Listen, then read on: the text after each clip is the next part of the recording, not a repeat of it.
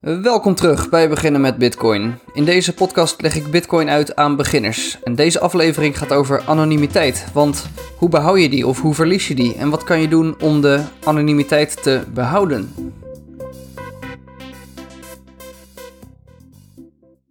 Veel mensen denken dat Bitcoin anoniem is. Zo wordt dat gezien. Maar eigenlijk is het het meest transparante betaalnetwerk ter wereld. Alle transacties op de blockchain die zijn openbaar en daardoor controleerbaar. En het is nou aan de gebruikers om zelf op hun privacy te letten.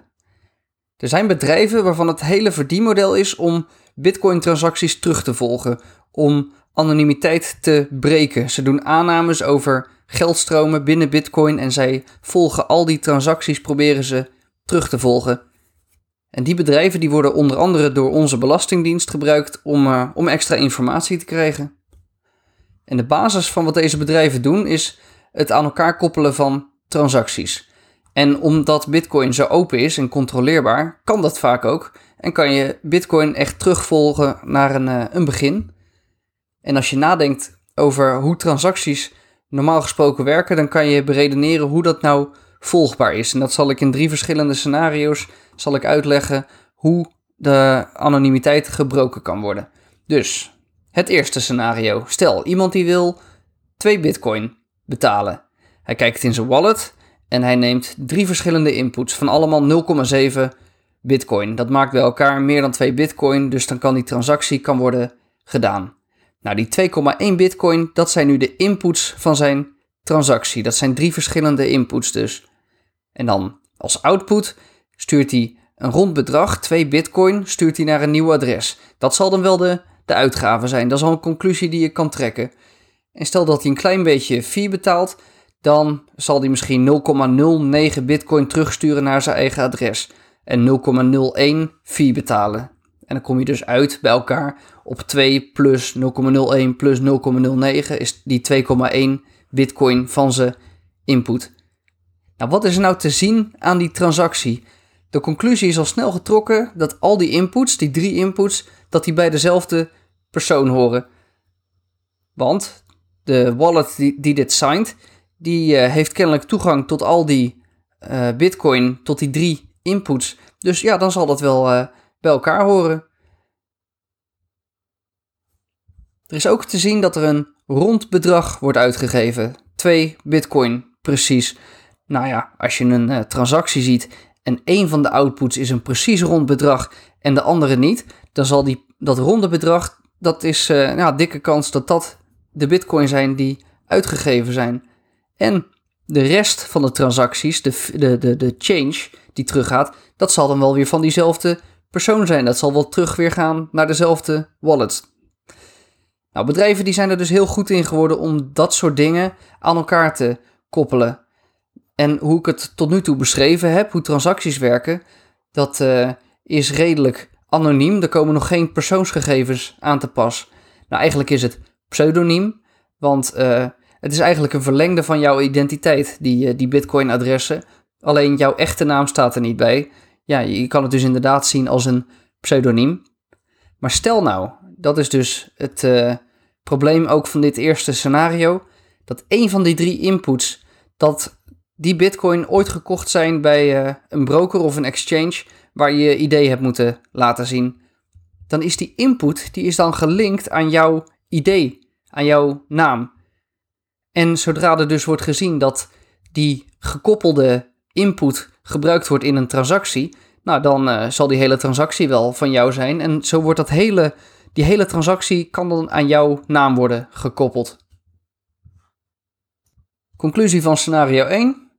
Adressen zijn op zich anoniem en je linkt het pas aan je identiteit als je dat ook echt zelf doet.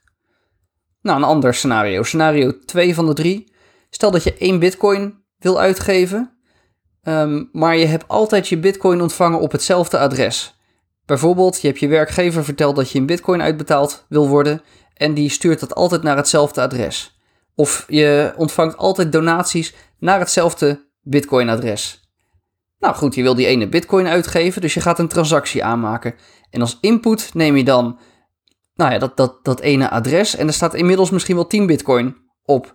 En de output is die ene bitcoin die je gaat uitgeven.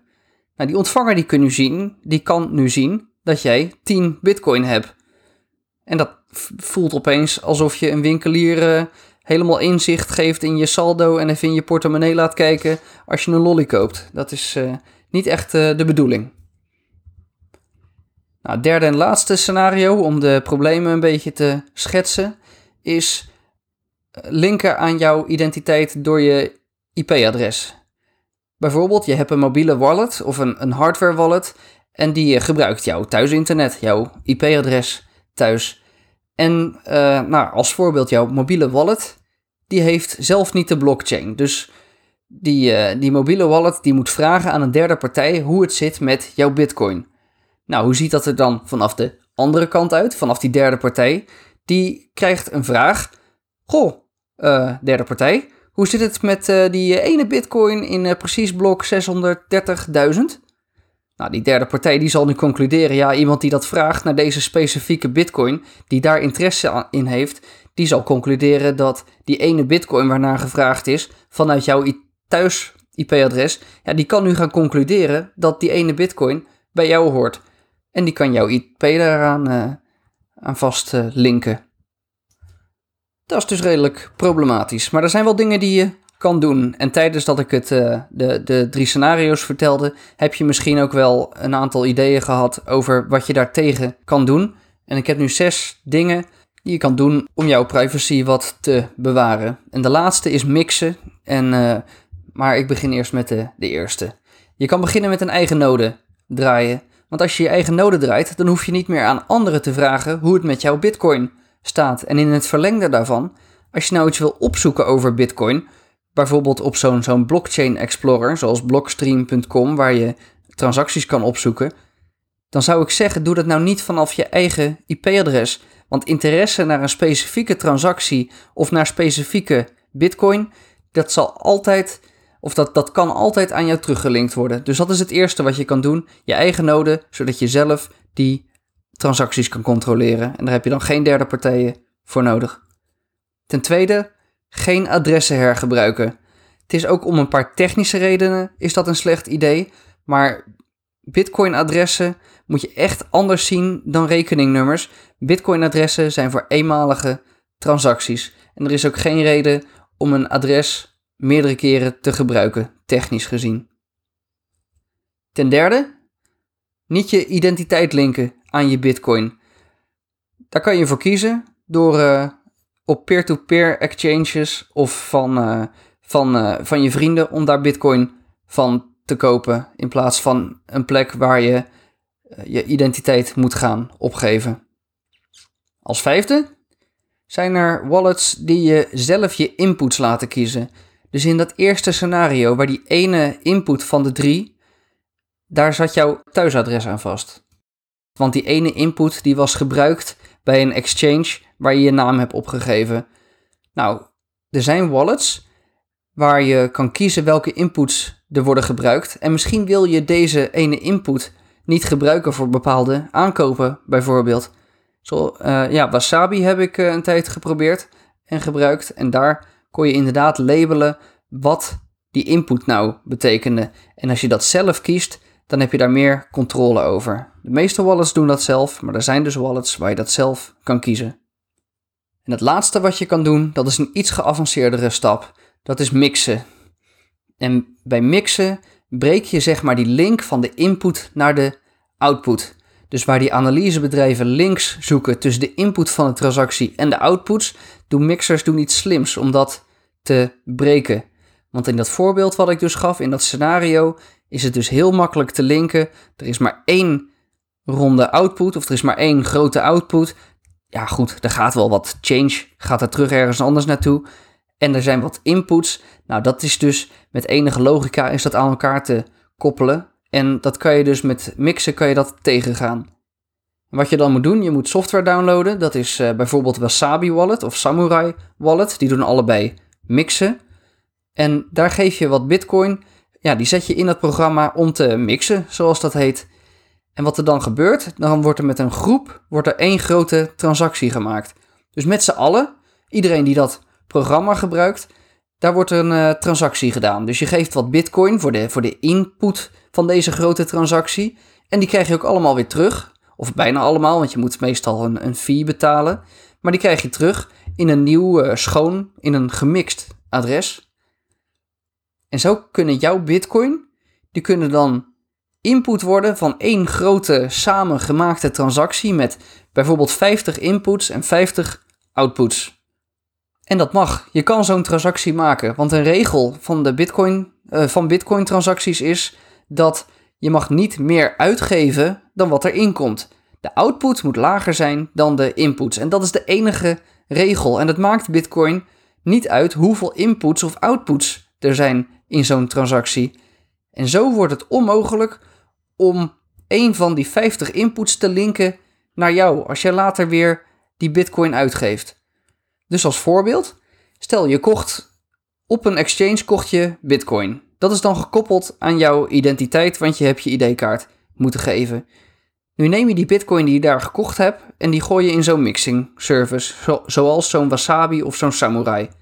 Die krijg je terug van die mixing service en nu heb je gemixte Bitcoin. En als je nou pizza koopt en zo'n analysebedrijf die wil dat natrekken, dan, dan zien ze dat Bitcoin wordt uitgegeven maar als ze dan terug gaan kijken van waar komt dat vandaan, dan komt dat uit een transactie met wel 50 inputs. Dat is wel te linken aan 50 verschillende mensen of, of 50 verschillende wallets. Dus dan moeten ze een gokje nemen, een van de 50, wie dat dan zou zijn. Nou, en als je dat een paar rondes doet, dus niet één keer zo'n transactie maken van 50, maar bijvoorbeeld 7 rondes, nou dan wordt die kans wordt steeds kleiner dat zij dat correct kunnen linken. En zo is die link gebroken. Nou, dit, dit zesde, deze zesde optie van mixen, dat is uh, een technisch een heel interessante en ook zeker iets om, uh, om in te duiken. Wat je wel moet beseffen is dat als je die bitcoin wil verkopen, dan vinden de meeste exchanges, die vinden mixen vinden ze een risicofactor. Dus dat telt mee in jouw transacties. En exchanges die houden een, een risicoscore bij van hoe eng ze jouw transactie vinden. En mixen, dat zien ze meestal als een probleem. Want nu is dat mixen nog vrij abnormaal. En dan denk ik, als nou meer mensen dit gaan doen, dat mixen, dan wordt het normaler. En dan, uh, ja, dan kan je dat niet meer zien als iets vreemds, als iets wat uh, risicovol is. En dat mixen, dat kost ook wat fee. En die programma's die gaan je precies vertellen wat de fee is van het mixen. Maar dat is wel iets om in je achterhoofd te houden. Nou, dit waren de tips en trucs over wat er mis kan gaan en wat je daaraan kan doen. Uh, en dat was het even voor deze aflevering. Heb je al iemand verteld over deze podcast, over beginnen met bitcoin.com? Mensen kunnen ook gewoon op de site luisteren, gewoon aanklikken en daar afspelen. Of help iemand is om een, uh, een podcastspeler op te zetten.